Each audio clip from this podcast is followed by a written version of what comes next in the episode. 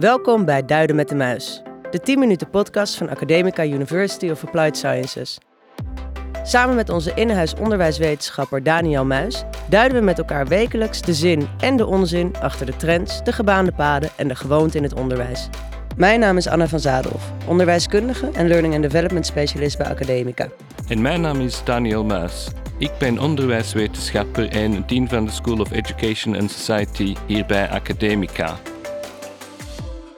Welkom weer Daniel, onze tweede podcast deze week. Ja, dank je. Hoe gaat het met je? Prima, prima. Uh, drukke maar goede week gehad. Waar gaan we het over hebben deze week? Deze week gaan we het hebben over gespreide herhaling. Spaced repetition in Ja. het Engels. Volgens mij is spaced repetition een concept dat ontzettend goed onderzocht is in de wetenschap. Klopt dat? Dat klopt, ja. Dus een aantal maanden geleden heeft de Education Endowment Foundation in Engeland een overzicht gepubliceerd van onderzoek uit cognitieve psychologie en hoe dat toegepast wordt in de klas. En daar hebben ze onder andere ook naar die spaced repetition, die gespreide herhaling, gekeken. En uit dat onderzoek zie je vrij duidelijk dat er eigenlijk heel veel bewijs is dat dit inderdaad werkt. Dus we hebben daar heel goede steun voor. En is het zo simpel als herhalen of zit er meer achter die theorie? Hoe zou jij dat omschrijven? Ja, dus theoretisch gezien zit er eigenlijk vrij veel achter. Leren is gebaseerd op kennis. Kennis die we opslaan en ophalen uit ons lange termijn geheugen. En ook op de verbindingen tussen kennis die we maken in ons lange termijn geheugen. Dus wat we moeten doen is natuurlijk die kennis aanleren. Maar wat je ziet, het kan moeilijk worden om die kennis later terug op te halen uit je lange termijn geheugen. En daar is al heel oud onderzoek naar. In de 19e eeuw al was een onderzoeker, Ebbinghaus, die gekeken heeft naar wat we ons herinneren nadat we iets geleerd hebben. En wat hij ziet is dat als je één keer iets leert, je eigenlijk 50% daarvan al snel vergeet.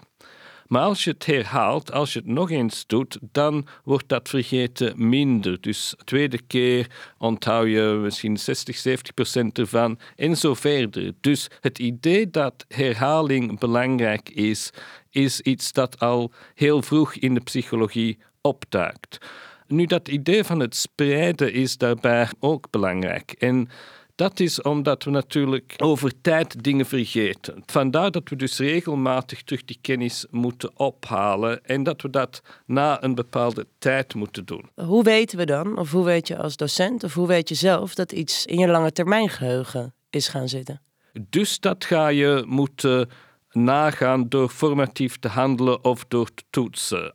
Oké. We hebben ook wat onderwijsprofessionals zijn we mee gaan spreken en we hebben aan hun gevraagd: wat weet jij over gespreide herhaling? Nou, dat het voor de leerlingen heel belangrijk is dat ze leerstof eh, inoefenen. Dus dat dat regelmatig herhaald wordt, zodat het in het langetermijn eh geheugen komt van de leerlingen. Het concept, eh, hoe je het zo benoemt. Eh, kijk, herhaling is natuurlijk altijd goed, want hoe meer je herhaalt, hoe beter je het weet. Eh, zeker ook de kinderen en wij binnen deze opleiding ook. Eh, het specifieke concept durf ik nog niet zo heel goed te benoemen hoe dat werkt.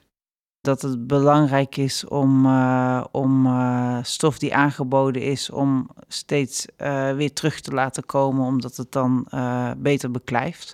En de, de kans groter is dat het opgenomen wordt in het lange termijn geheugen. Ze hebben het allemaal inderdaad over het belang van herhaling. Ja. Wat zou een valkuil kunnen zijn wat jij ziet in het onderwijs, waardoor er wel wordt herhaald, maar misschien niet op de juiste manier wordt herhaald of niet voldoende wordt herhaald? Wat zijn richtlijnen daarbij? Soms herhalen we gewoon te weinig en onderschatten we het belang van herhaling. En ik ben heel blij om te horen dat mensen hier aan het zeggen zijn van ja, wij doen dit, we passen dit in. Wat ik wel zou zeggen is dat herhalen betekent niet dat we de stof op precies dezelfde manier oefenen of aanbieden. Het is wel een goed idee van de methode die je daarbij gebruikt ook af te wisselen, omdat je dan de leerling activeert, je dwingt hen ertoe op verschillende manieren die kennis op te halen, of je biedt het aan op een manier die misschien door sommige leerlingen beter begrepen wordt. Dus verschillende methodes gebruiken bij herhaling is ook nuttig. Ja, we hebben ook gevraagd aan deze onderwijsprofessionals hoe zij dat eigenlijk toepassen in een school of in een eh, klas. We werken met het EDI-model in de groepen. En uh, nee, wij vinden herhaling heel erg belangrijk. Dus dat uh, is helemaal geïntegreerd in ons uh, onderwijs. Nou, als we bijvoorbeeld nou, laten we het even bij de tafels houden. De tafels uh, aanleren. Dan hebben we bijvoorbeeld de tafel van vier. Uh, nou, krijgen ze vandaag van mij aangeboden. En die blijven we dan een periode lang elke dag herhalen. Zodat ze ja, geautomatiseerd worden. En daarmee dus in het langetermijngeheugen komen. En dan ook weer, een, dan eerst doen we eerst een paar weken echt elke week herhalen. En dan een tijdje ertussen en dan nog eens een keer herhalen. Niet dat het dan nooit meer aan bod komt. Ja, ik denk dat het, dat het bij uh, voorkennis activeren, ja, bijvoorbeeld bij rekenen, dat het dan uh, belangrijk is om uh, aan, het, ja, aan het begin van een les om, om de kennis weer op te halen. En even terug te verwijzen naar, naar de dag daarvoor of de week daarvoor of de maand daarvoor. Dat is natuurlijk een van de dingen die heel veel doet in, in, ja, bij het geven van onderwijs. Ehm, en eigenlijk ook in het dagelijks leven. Want als je iets zeven keer hoort, dan onthoud je het natuurlijk beter dan dat je het één of twee keer hoort. Dus ik denk dat je dat al heel veel van jezelf doet. En als je natuurlijk gaat kijken naar het geven van onderwijs, geven van instructie, hou je natuurlijk altijd, altijd weer die voorkennis op. Dus je blijft constant herhalen, ook bij het geven van je lessen. Wij geven ook uh, uh, instructie aan de hand van een EDI-model. Dus dat is uh, effectieve directe instructie. Um, en daar haal je steeds voorkennis op, blijf herhalen, het moddelen. Dus weet je, dat pas je daar wel toe. zijn allemaal uh, mooie voorbeelden. Ja, mooie inderdaad. voorbeelden. Ik zag je ook blij knikken als Mhm. het EDI-model opkwam of het voorkennis ophalen. Hoe verhoudt het EDI-model zich tot de spaced repetition, gespreide herhalingtheorie? Dus in het EDI-model zit die herhaling ingebouwd. En een van de goede dingen ook aan het EDI-model is natuurlijk dat dat ook gebaseerd is op onderzoek en dat we ook veel onderzoek hebben dat dat ondersteunt. En het is dan ook niet verbazend dat we zien dat veel van de zaken die we doen als we expliciete instructie gebruiken overeenkomen met wat we leren uit de cognitieve psychologie. Wat ik ook even wil zeggen is, ik hoor dat mooie voorbeeld van die tafels. En daar wordt ook iets belangrijk in gezegd, namelijk dat als je het in het begin inhoeft en automatiseert, dat je dus later dat nog eens terug moet doen. Dus werken met de tafels van vier, maar dan later als je bijvoorbeeld met de tafel van zes bezig bent, ook nog eens terug die tafel van vier oefenen, om ervoor te zorgen dat dat terug opgehaald wordt en dat terug onthouden wordt. Dat is gespreide herhaling.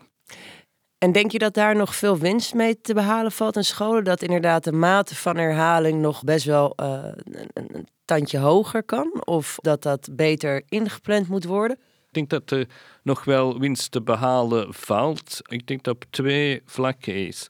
Ten eerste valt er volgens mij winst te behalen met het goed met elkaar bespreken van de doorlopende leerlijnen binnen de school, zodat we echt weten wat er in de groep voor ons gebeurd is. Dat gaat ons veel tijd besparen met betrekking tot het ophalen en herhalen van kennis. En het tweede is dat we niet altijd moeten willen te snel door de stof te gaan. Soms worden we een beetje gepusht door onze methodes om in deze week doe ik dit, in volgende week doe ik dat. Nee, af en toe moeten we ook zeggen van oké, ze kennen het nog niet. Dus moeten we eigenlijk wat langer hieraan werken, wat misschien meer herhaling doen, totdat ze het echt kennen voordat we naar de volgende stap gaan. Dus dat zijn twee belangrijke dingen.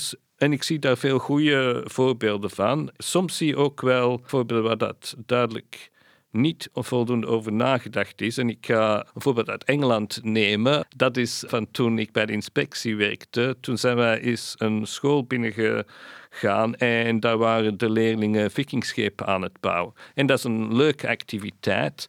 Maar onze inspecteur vroeg dan aan de kinderen: waarom hebben de vikingen schepen nodig? En daar is geen idee van. Dus het was voor hun een contextloze, het, Ja. een schip bouwen, maar het was niet ingebed in dat netwerk van kennis Precies. waar het aan gekoppeld had moeten worden. Precies. Er werd ook gezegd kort van eh, het voorkennis ophalen. Is voorkennis ophalen eigenlijk gewoon hetzelfde als het gespreide herhaling toepassen? Nee, dat is niet hetzelfde. Het gespreide herhalen gaat meer om het consolideren in het langetermijngeheugen. Dus het moet er eerst zijn voordat je het kunt ophalen. Met voorkennis ophalen kun je natuurlijk merken dat je eigenlijk nog wat meer herhaling nodig hebt, maar je moet sowieso eerst de gespreide herhaling doen voordat die voorkennis er gaat zijn. Dan hebben we deze week gespreide herhaling besproken, onze tweede podcast. Welk onderwerp gaan we volgende week beetpakken? Volgende week gaan we kijken naar zelfregulering. Dus hoe kunnen we onze leerlingen voorbereiden om meer eigenaarschap te nemen over hun eigen leren en dat op een effectieve manier te doen. En hoe zit het met je eigen zelfregulering? Uh, kan altijd beter, maar ik doe mijn best. Daar sluit ik me ook bij aan. Dankjewel.